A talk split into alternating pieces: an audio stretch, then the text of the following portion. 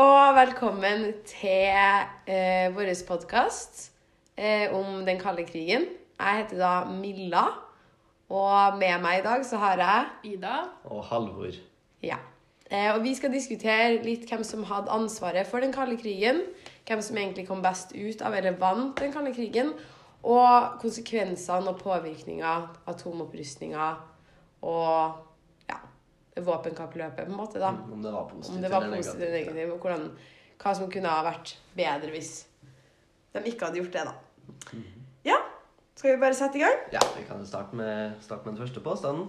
Eh, har du lyst til å presentere litt om den, Ida? Ja, altså Påstanden er jo at eh, USA hadde hovedansvar for den kalde krigen. Og USA etter den eh, andre verdenskrig var jo en stormakt med et stort produksjonsapparat. og USA sto jo da for markedsøkonomi og var villig til å gå langt for å fremme denne økonomiske ideologien eh, i verden. De tilbød bl.a. Marshallhjelpen, eh, som da var en økonomisk bistand eh, til europeiske land, under forutsetning at de skulle åpne opp for internasjonal markedsøkonomi.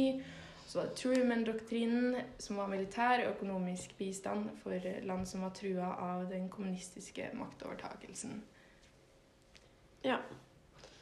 Ja, jeg jeg vil jo si at jeg er egentlig ganske enig i denne eh, påstanden. At USA hadde hovedansvar.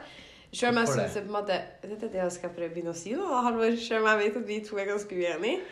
Eh, fordi selv om jeg Det er jo på en måte ikke noe vits å bare skylde på én person, siden det er som Halvor sier, eh, it takes two to tangle. Som du alltid bruker å si. Sier, sier jeg alltid det? Du har sagt det et par ganger, i hvert fall. Ok, jeg sier tydeligvis det ganske ofte. Så syns jeg egentlig at det er mest USA som har skylda på Blant annet pga. det Ida nevnte med Marshall-hjelpa, eller Marshall-planen, på en måte. Eh, hvor de da eh, mente at måte, den der fattigdommen var et sted hvor det var veldig lett at kommunismen kunne oppstå. Og derfor så ville de jo selvfølgelig hjelpe andre land ved å tilby dem penger og gjenoppbygge landet etter andre verdenskrig, også fordi det er en hyggelig ting å gjøre. Men det ga dem også da mer påvirkning på europeiske land ved at de innførte økonomi som var også til hjelp for USA, og åpna på en måte det der liksom, handelsmarkedet for USA enda mer. Og de fikk større påvirkning, i tillegg til at de også tilba hjelp, eller til, tilbud hjelp til land som egentlig kanskje ikke trengte det så masse. At veldig mange land fikk ekstremt store lån og, og gjeld liksom, til USA, som de fikk nytte av senere. Altså intensjonen deres var kanskje mer også å få påvirkningskraft på Europa, fordi de så på fattigdommen som en trussel da, for at der kunne oppstå kommunisme. Så Blant du, annet. så du er altså enig i Stalin sitt utsagn om dollarimperialisme? Til en viss grad, ja. Jeg ser mer på Marshallplanen som kanskje en reaksjon på eh, Sovjet sin ideologiske imperialisme. Med at de Altså, vi, vi må starte på Jalta-konferansen, da. eh, som var rett før slutten av andre verdenskrig. Hvor de skulle bestemme hvordan de skulle dele opp Europa etter eh, krigen. ja. Da var det jo sikkert at det var de allierte som kom til å vinne. Og det de har vært enige om der, det var jo at Sovjet skulle få en sånn innflytelsessfære eh, Mm. i Øst-Europa. Yeah. Eh, men da var eh, USA og Storbritannia Mm. eh, veldig på at da skulle det være frie demokratiske valg i Øst-Europa. Yeah. Eh, og det er mange som sier at Eller det er mange som mener at eh, grunnen til at de ville ha den innflytelsessfæren i Øst-Europa, det var jo fordi de ville ha en sånn buffersone mot framtidige angrep fra Tyskland. Mm. Det er jeg helt uenig i. Eh, og grunnen til det er at man ser på måten eh, Sovjet behandla Øst-Europa etter, etter krigen. Mm. Man ser at Hjalta-konferansen ble brutt i Polen, f.eks. Eh, og det, var ikke, det ble jo ikke holdt frie demokratiske valg. Nei. og det så jo USA, og det, det merka de jo, og det skjønte det. Eh, og derfor begynte de med en sånn containment-politikk, eh, som var Marshallplanen jobb en av tiltakene som ble satt inn der. Ja. Så, men det var mer en reaksjon på Sovjets eh, liksom, ja, At de tok kontroll over Øst-Europa. At de da ville stoppe Sovjet fra å ta kontroll over resten av Europa også med sin ideologi. Som Ja. de mente var helt feil. Ja. Mm. Ja, altså det her, Du snakka litt om det her med Berlin-blokaden. fordi det her var jo da den siste åpninga i jernteppet, eller den ble stengt. Um, når de da kutta strømforsyninga og etter hvert bygga en mur tvers over byen. Uh, og det her var jo da en klar uh, provokasjon fra Sovjets side, Uh, og et fysisk tydelig eksempel på å holde ideologien og ja, menneskene fra hverandre. Ja. Ja. ja, og så er det liksom Jeg skjønner jo at sånn Sovjet også Jeg vet at de brøyt Jalta-konferansen. Jeg forstår jo at det er et ganske tydelig sånn standpunkt i at sånn Vi er ikke venner, vi er fiender, på en måte. Mm. Men man må også huske på at sånn Når eh, Roosevelt døde og Truman tok over, så var han mye mer på en måte anti-Stalin og antikommunistisk. Og han heller eh, ville jo egentlig ikke at Sovjet skulle ha de fordelene de fikk av Jalta-konferansen heller. Nei. Og så på alle handlingene i Øst-Europa som deres på en måte forberedelser for verdensherredømme. Eh, som gjør også at det Jeg tror også det handler eh, Selvfølgelig så er det jo Kanskje jeg mener fortsatt at USA hadde hovedansvar, men at det handler også om hvor motsettende personligheter de hadde, de lederne i verdensmaktene på en måte hadde. Fordi at de hata hverandre så mye, og de så på alle handlingene som de andre gjorde, som en trussel mot seg sjøl, når det egentlig kanskje ligger andre liksom Det er jo ikke bare Du handler ikke bare pga. ideologi heller, det er jo andre viktigere grunner òg, men man, de følte seg trua av alle handlingene motparten gjorde. Og Truman var jo veldig mot kommunismen og ville, var villig til å gjøre alt for å stoppe kommunismen. Og det var jo, gjorde også at det ble en ekstrem spenning mellom landene. Mm. Og jeg tror det har påvirka, da. Ja, og da Jugoslavia f.eks. brøt med Moskva, så kom det frem at alle som sympatiserte med den nye lederen Tito, eh, skulle utrenskes. Eh, det ble mange rettssaker rundt om i land som ble styrt av Sovjet. Og det her var jo da en direkte innblandelse, eh, i motsetning da, til da f.eks. USA. For jeg mener at de, ja, de kom med militær og økonomisk hjelp, men gikk ikke inn for å på en måte utrenske og straffe motstanderne i like stor grad som det Sovjet gjorde. Mm. Ja, Hvis vi skal snakke om ansvarliggjøring og og når det kommer til den kalde krigen, så blir det jo det er jo et skyldspørsmål det er snakk om. da. Det var jo Kalde krigen førte jo til millioner av dødsfall. Ikke nødvendigvis i USA og Sovjetunionen. Eh, men det er jo et skyldspørsmål i bunn og grunn.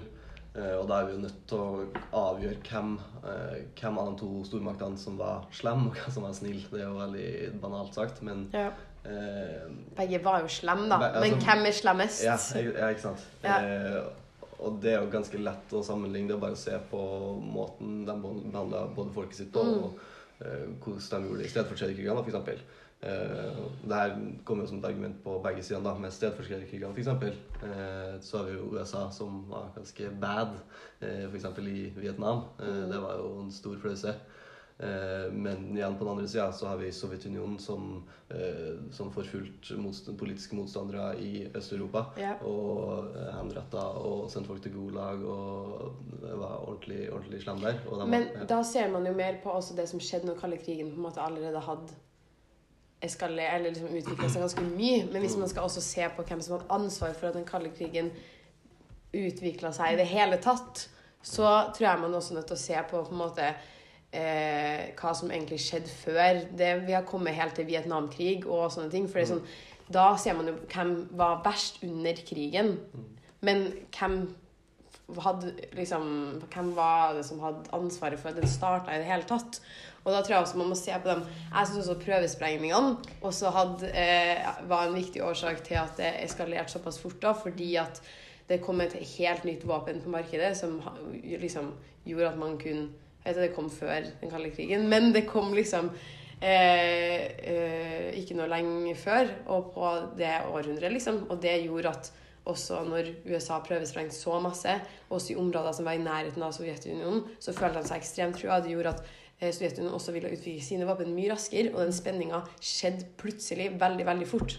Ja, og så ikke minst så var jo eh, USA først ut med det her atomvåpen, og det at de gjorde det da dagen før Potsdam-konferansen, eh, tror jeg spilte en stor rolle. Det er akkurat det. Mm. Ja, man, ser jo, man kan jo se på alle hendelsene i den kalde krigen som en reaksjon på den forrige hendelsen. på en måte. Ja, det er sant. Eh, altså, så det er jo det å avgjøre hva som var starten, som egentlig, egentlig vil avgjøre det her eh, spørsmålet også. Det Mm. og skyldspørsmålet. Eh, altså, man kan jo se på eh, Marshallplanen som jeg sa, som en reaksjon på Sovjets imperialisme. Ja. Eh, eller ideologisk imperialisme, da. Eh, men igjen så kan man se det som en reaksjon på andre verdenskrig. ikke sant? Og så Ja. jobber man seg bakover og bakover. bakover. Eh, så det blir jo fryktelig vanskelig å eh, Og man kan liksom ikke bruke én ting til å avgjøre Nei, nei, nei.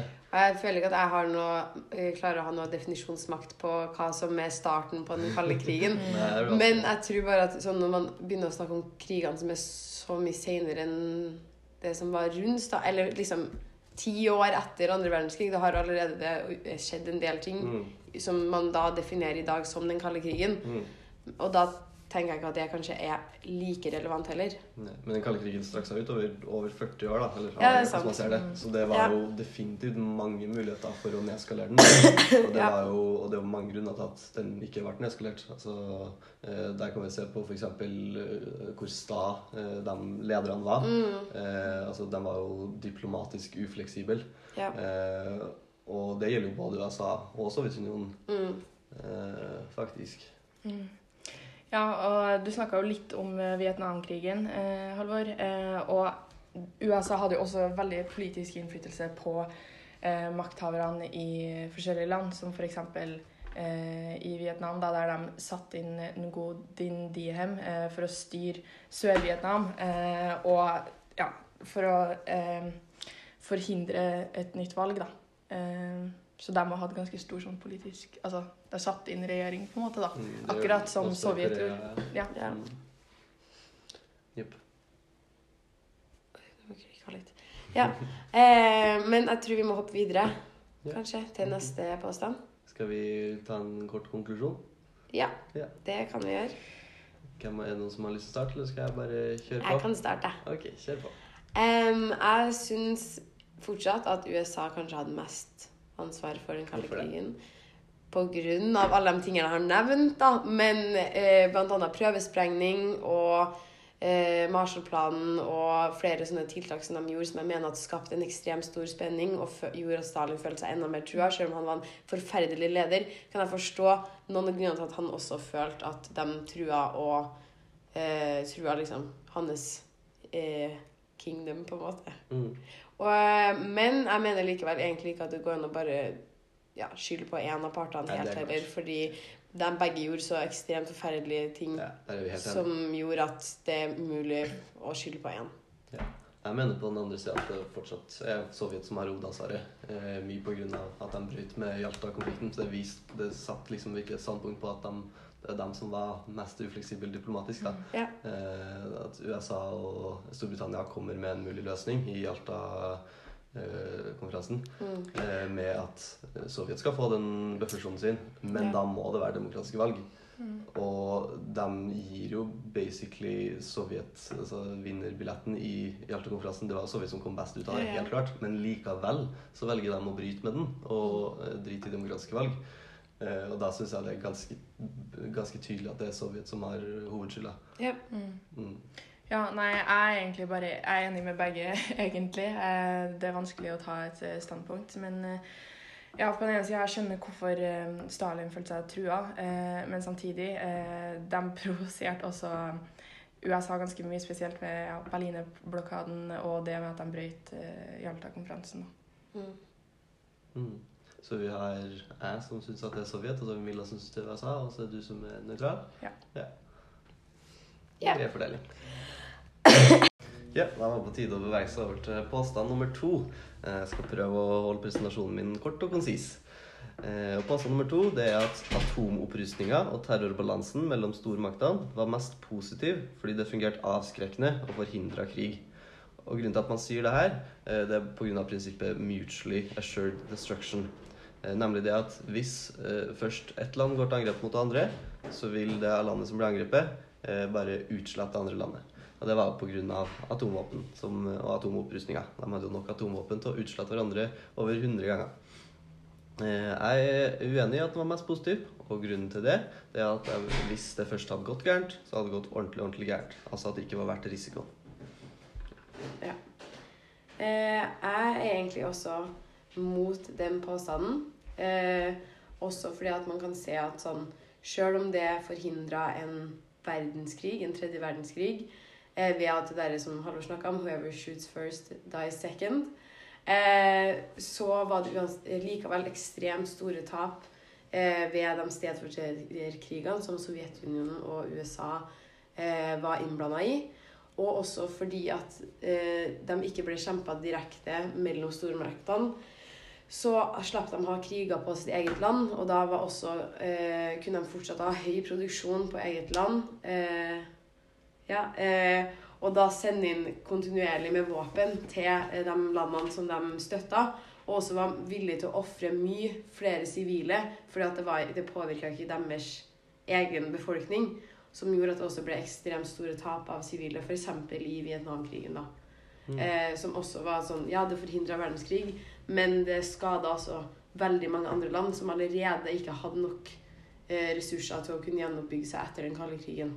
Ja, og eh, i tillegg så kunne de vare lengre, da. Det er jo ganske viktig å få frem pga. den her høye produksjonen de kunne ha, og at de ikke mista sivile på sitt eget land. Ehm, men ja, eh, for eksempel så mener jeg jo da at eh, Cuba-krisa eh, Det var så farlig eh, nær atomkrig at det ikke var en balanse. Ehm, så der mener jeg jo på en måte ikke det, den MAD funka ikke. Fordi jeg mener at det godt kunne eh, resultert i atomkrig der, da. MAD funka vel på Cuba-krisen. Det var jo nettopp derfor at det ikke ble noe varm krig av det. Jo da, men eh, det var på en måte Jeg vet ikke. Det var veldig nære. Det var Ja. så nære at det kunne like så godt ha resultert i atomkrig. Ja. Det var den hendelsen med, med den ubåten, f.eks. Det var to, to ting som skjedde den dagen. Det var en hendelse med en ubåt og en hendelse med et U2-fly. Ja, det med den ubåten det var at det var en eh, sovjetsk ubåt som eh, Eller ja, hvor skal vi starte? Skal vi presentere Cuba-krisen litt også, kanskje? Det kan vi like så godt gjøre. Ja. Eh, Cuba-krisen. Eh, det kom en kommunistisk leder inn i, Cuba og tok over makta. Eh, USA likte ikke det. USA sendte eh, sånn cubanere som hadde blitt sendt til eksil, til å prøve å ta igjen makta. Eh, det mislykka. Eh, Sovjet plasserte raketter på Cuba, eh, og eh, USA fant ut av det, og da laga de en sjøblokade. Eh, og eh, når USA laga den sjøblokaden, så kom det en russisk ubåt som prøvde å komme seg under den blokaden. Eh, og da var den ubåten helt isolert fra omverdenen fordi den var såpass langt ned, så den kunne ikke opprette kontakt med Moskva. Eh, og eh, amerikanerne prøvde å signalisere til ubåten at den måtte komme seg opp igjen. Så de sendte sånn, sånn signalsprengninger, da, eller sånn signalbomber. Eh, sånn øvelsesbomber for å prøve å signalisere den til å komme opp igjen. Eh, men det her tolka kapteinen på ubåten som at krigen hadde starta, og at det var faktiske bomber, at de var under angrep. Så han ville benytte seg av atomvåpenet som befant seg på ubåten. Og han ville sende en ti kilos eh, nuclear warhead eh, til den, Ja. mot den amerikanske marinen. Eh, men han måtte heldigvis ha autorisasjon fra tre stykker på ubåten. Og det var én av dem som eh, ikke ville ha det. Ja. Og det var sånn man unngikk en atomkrig. Og det Ja. sier jo litt ja. Og det har dere snakk... ja, men jeg skal bare si at sånn, det var, sånn som du sier, et veldig godt eksempel på hvor skjør den her balansen, som man kaller det, egentlig var. Fordi at siden som Halvor sa, at man kunne tilintuitere hverandre 100 ganger liksom, over det, så viser det jo at man hadde Det var på en måte unødvendig mye våpen òg, og ekstremt mye penger som ble brukt på det her våpenkappløpet også. Mm. Eh, som nesten ja, ruinerte også nesten Sovjetunionen pga. at de hadde ikke egentlig nok ressurser eller god nok økonomi til å kunne opprettholde den våpen, det her våpenkappløpet. Men de fortsatte med det også pga. meg, for man skulle vise at man hadde like mye våpen, så det kunne gå like galt på begge sider. Men at det også er veldig skummelt, da, for at altså hver av de lederne på en måte hadde så mye makt til å kunne mm. tilintetgjøre hele jordkloden, basically, liksom. Og det syns jeg er veldig skummelt. Mm. Ja, så det var mange som døde i Sovjet. Sivilbefolkning som døde av sult, rett og slett. Fordi Mhm. eh, Sovjet var så dårlig stilt økonomisk. Det var jo mye pga. atomopprustninga Ja. og våpenkappløpet.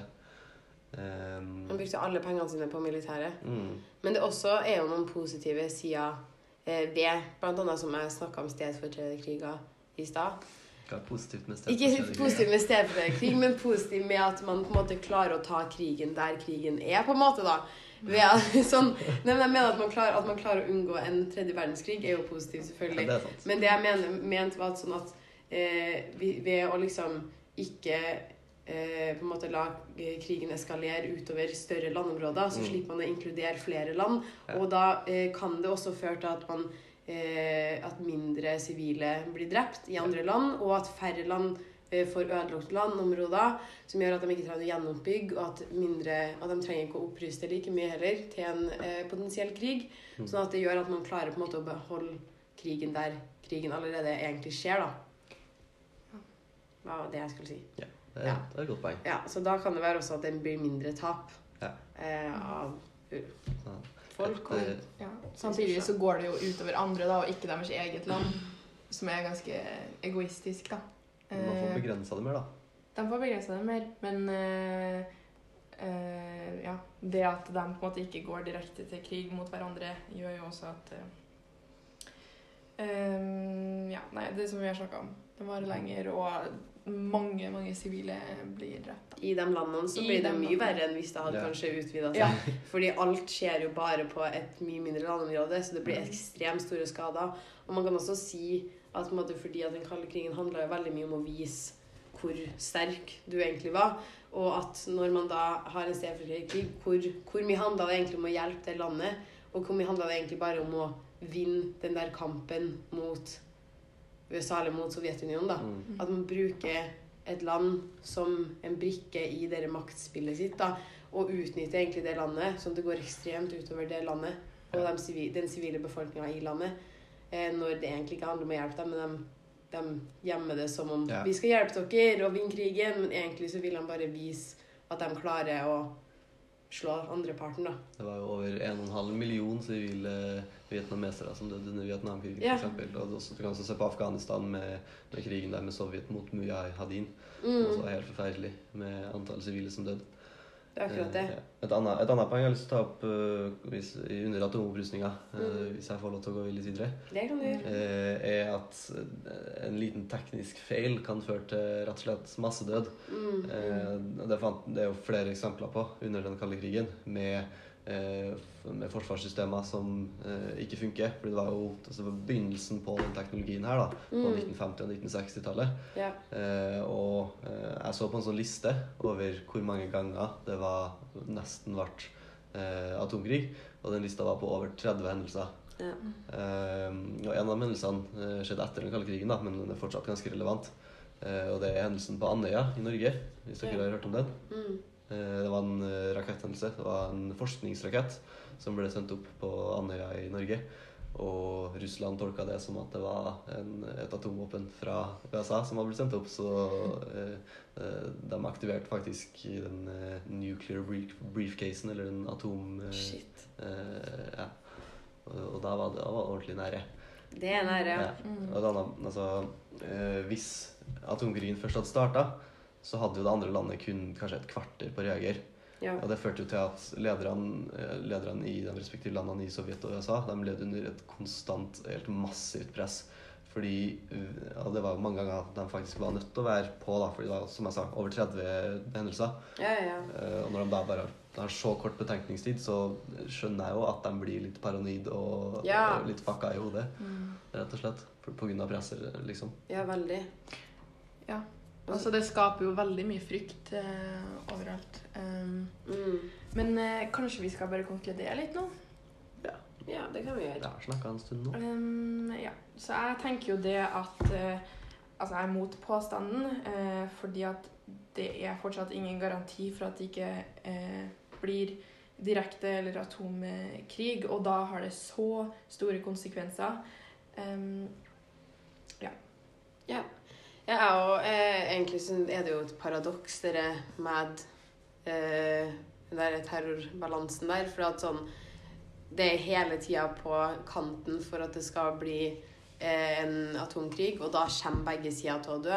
Så det er jo uansett ikke noe bra situasjon å være i. Når du vet at hvis det skjer noe, og du utløser den, det atomvåpenet, så dør jo du òg.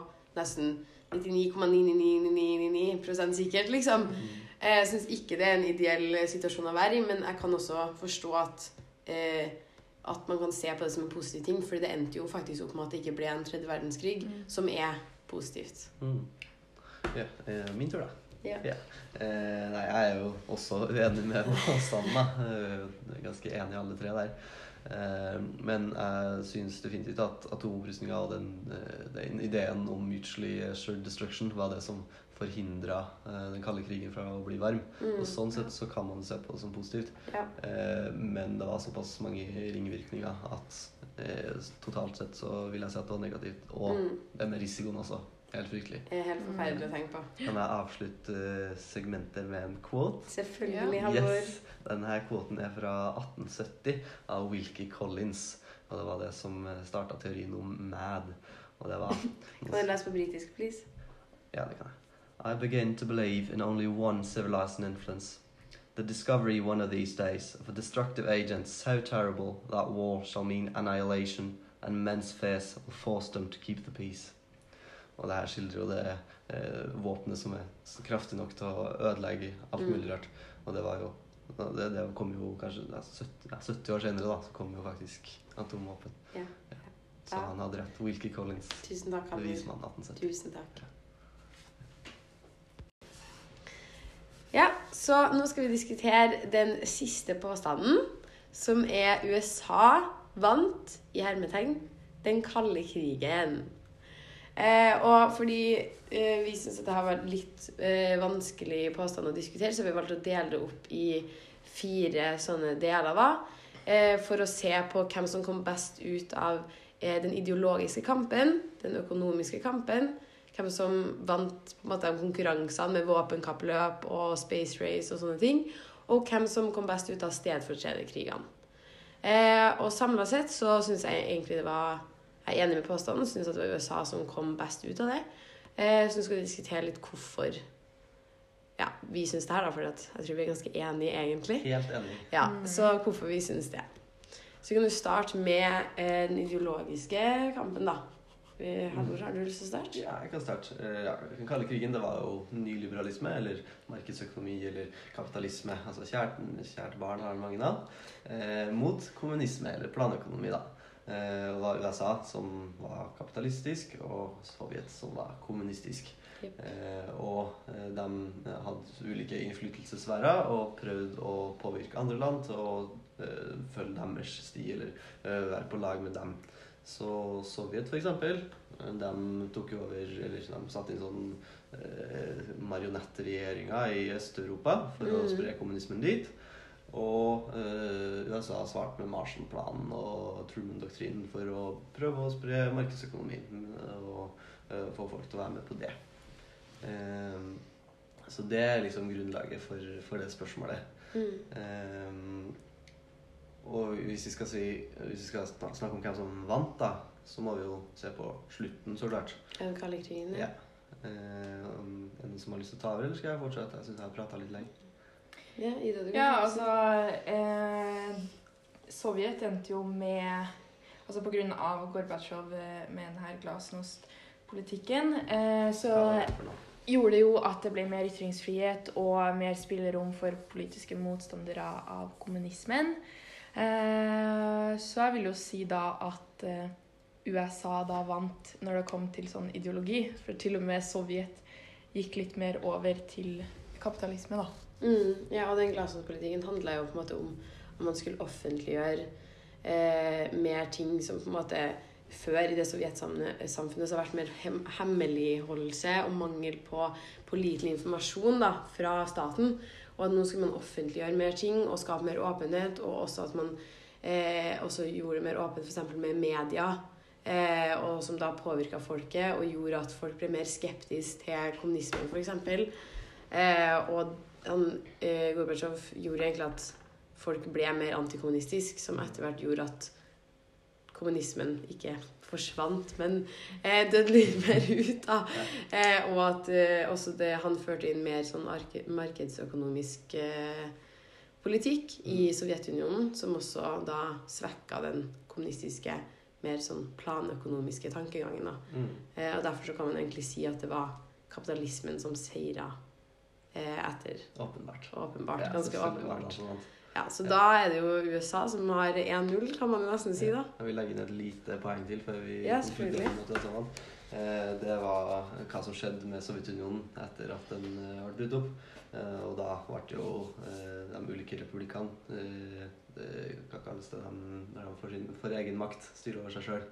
De får selvstyre. Selvstyre, ja. ja. Eh, og hva var det de da valgte å gjøre? Og da kan vi se på sånn Latvia og Mm. Litauen og eh, hva er det på norsk? Estonia? Es Mm. Estland? De baltiske statene. De baltiske statene, ja. Mm. Eh, de ble faktisk med i Nato og EU.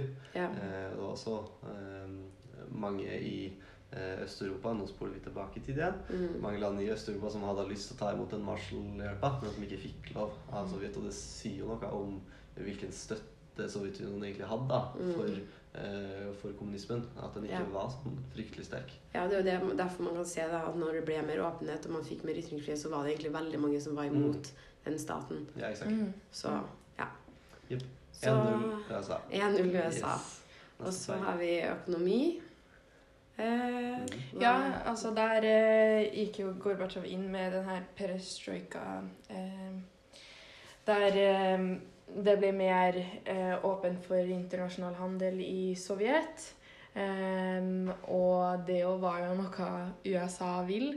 Så der vil jeg jo også konkludere med at eh, USA på en måte vant um, når det kommer til økonomien. Ja, Mm. her vil jeg se på Marshall Mm. mm. faktisk. Eh, Marshall førte jo til at det ble mye mer handel, eh, internasjonal handel. Ja. Og det nøt jo USA rågodt av. Mm. Eh, det var jo definitivt USA som sto igjen med den sterkeste økonomien eh, etter det. ja. Det var jo som vi snakka om i før den første påstanden Mm. om intensjonen til USA med Marshall-hjelpa. Mm. Det var jo også fordi at eh, det var knytta til den ja, De ville knytte den europeiske økonomien til USAs kapitalistiske Mm. system, på en måte. Yeah. Som, var, som hjalp dem ekstremt mye med at de fikk handle mye lettere. Som også hjelper Europa, da. Som også hjalp Europa, selvfølgelig, Ja, men også da styrka USA ekstremt. da. Ja. Eh, og at deres økonomi vokste mye av de, de tiltakene de gjorde Mm. eh, etter eh, andre verdenskrig. Ja, det hjalp ikke bare Europa, da. Sånn som eh, eksempel De gir jo ofte dårlige varer. Eh, ikke, Jo, jo, jo. Eh, som for eksempel da dårlig pasta til eh, Italia, og de ødela tobakkindustrien i Hellas. Eh, mange eh, spurte om olje, da, altså til eh, som bensin og sånn. Mm. Eh, men så fikk de heller matolje, som ja, de Mm. absolutt ikke trengte. Ja. Sendt 65 000 lastebiler til Europa, men ikke noe reservedeler Mm. eller noe bensin. Eller noe Ja, ja, og til at man kunne se at de fikk liksom utstyr de ikke kunne å reparere, og ikke kunne å drive. Så det bare sto Mm. sånn, som vi snakka om i Norge, og sånn her, at det sto sånn Ja, sånn traktorer og sånn her som man ikke kunne bruke, bare som bare stod, Ja. sånn nye traktorer og maskiner og sånn. Mm. Så det var jo, sånn jeg snakka om intensjonen, det var jo også for at eh, USA ville eh, styrke sin eh, økonomi. Ja. Og det fikk de jo også til, da. Ja. Men jeg syns det er teit å kalle det for skjeletter i skapet, da. Eh, nå hører du på Jens Sindre. Det du sa i, i den timen, det er jeg uenig i. Men det kan du ta opp med Jens Sindre ja, men kan, jeg ikke, kan jeg ikke ta det opp nå også? ja, hvis du vil. Det med ikke er skjeletter i skapet, men plastikkskjeletter. Altså Sammenligner man det med de eh, kriminelle handlingene til Sovjetunionen, så er det ingenting. Eh, også det med McCarthyism, det med forfølgelse av kommunister i USA. Det er jo ingenting sammenligna med hvordan Sovjet behandla dem som sto imot dem eh, politisk. Altså Men nå er det litt off track Ah. her. Eh, vi har i hvert fall 2-0 til USA. Neste er konkurranse. Jeg vet at du er sint, Halvor, men det går bra. Det går over. Eh, konkurranse. Da kan vi jo snakke litt om våpenkappløpet, f.eks. Og da er det jo, var det jo USA som utvikla atomvåpen først. Men, eh, og også prøvesprengt eh, først. Men eh, Sovjetunionen kom jo med egen eh, atomvåpen ikke noe lenge etterpå. Mhm. Jeg husker ikke akkurat hvor lenge. Fire sånn- år. Ja, fire år etterpå. Jeg takk i da. Jeg trodde det var sju. Men eh, Jeg kanskje. det var litt mer. Ja. kanskje. Uansett. De kom ikke noe lenge etterpå da, med egne utvikla atomvåpen. Og sånn som vi snakka om i den derre Eller det her andre, eller? Det her Det her er nummer tre. Ok. som vi snakka om i stad, Ja. eh, så hadde de jo nok eh, våpen til å liksom eh, ut... Eh, hva heter det? Utrydd. Utrydde hverandre hundre ganger. Ja. Sånn at, jeg vet ikke, sånn I starten så var vel våpenkappløpet ganske viktig, for da var det jo hvem som hadde mest. Men på slutten av den kalde krigen så hadde de jo så mye våpen at det egentlig ikke var så stor forskjell, fordi man hadde nok til å på en måte ødelegge Utrydde hverandre på en halvtime, faktisk. Ja, ikke sant. Så da tenker jeg at kanskje ikke det var noen som vant helt der, da. Nei, det var ganske likt, ja, hvis man kan utrydde hverandre hundre ganger. Ja, ikke sant? Mm. Jeg har det ikke så mye å si når du først er utrydda én gang, liksom. Nei, du kommer trenger ikke noe- ganger, ja. Det har ikke så mye å si. Ja, det ganske likt det. Men det Star Wars-prosjektet til USA, hvis man hadde fortsatt med det og fullført det, så Mm. hadde jo det ført til at de hadde vært totalt overlegne. Ja. Det var vel kanskje derfor de slutta med det også. Mm. Eh, Fordi, de, fordi da hadde den balansen blitt Ja, det her er jo selvfølgelig påstand nummer to, men da hadde den balansen blitt ødelagt. Ja, det er akkurat det. Men USA som vant, da, vil jeg, vil De vant jo på en måte også fordi de hadde jo mer ressurser Mm. og eh, bedre økonomi, også Mm. pga. det vi snakka om i stad.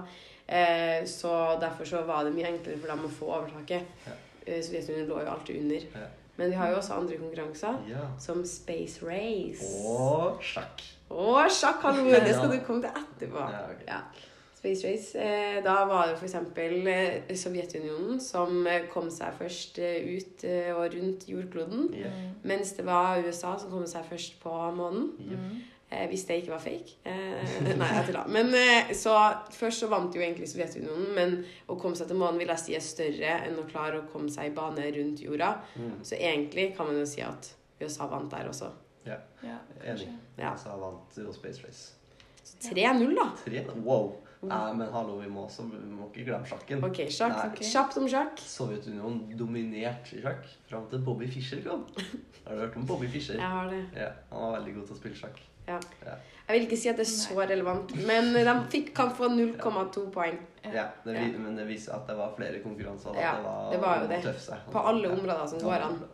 Til slutt har vi stedfortrederkrig. Eh, Ida? Ja, eh, altså Vietnam for eksempel da, er jo et eksempel på at eh, eh, de ikke ble frelst fra kommunismen. Eh, I tillegg til at denne oppdemningspolitikken de hadde, eh, førte egentlig til at å øke farta da, i eh, dominoeffekten i regionen rundt eh, Vietnam etter, at, eh, etter Vietnamkrigen. Mm. Så det hadde litt motsatt effekt. Og i tillegg, da, etter Vietnamkrigen, så fikk mange av innbyggerne i USA um, Eller de ble skuffa over hvordan myndighetene gikk inn i Vietnam med her, altså masse drap av sivile, altså bombing. Mm. Eh, og de mista litt til, tillit Mm. til uh, myndighetene, da. Yeah. Uh, så det er jo litt et tap, tenker jeg, da. Yeah. Peace and love. Peace and love, ja.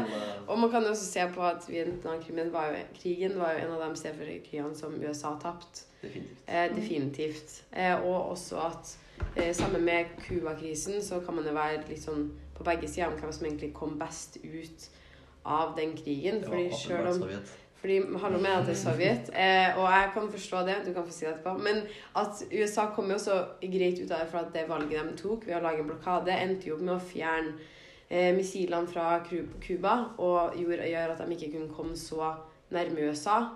Eh, men de måtte jo også fjerne sine egne fra Tyrkia. Var det ikke Tyrkia? Jo. Jo, Tyrkia.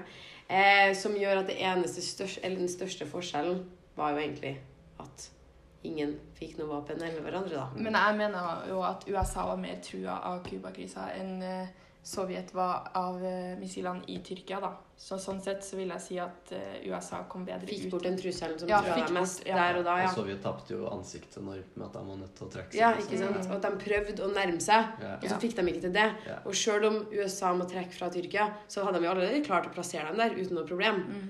Sånn at de kom jo egentlig best ut av det på en måte, da. Mm. Så vi har jo egentlig Hva skal man konkludere med på stedfortrederkrig? Vi må, da, vi må innom Korea og Afghanistan også for å konkludere, for nå har vi bare tatt eksempler hvor det er USA som har tapt. Eller, Ok, Du kan få velge en av de to. um, Afghanistan. Afghanistan. Ja, det det tenker jeg er mest, ja. ja. Eh, der var sovjetslemmingene. De var mot eh, Ja. mujahadin Mm. eh, og bomba sivilbefolkning og bare fortsatt Ja. var skikkelig sta og ville ikke trekke seg ut, selv om de, var i, de var, ikke hadde flertallet. ja.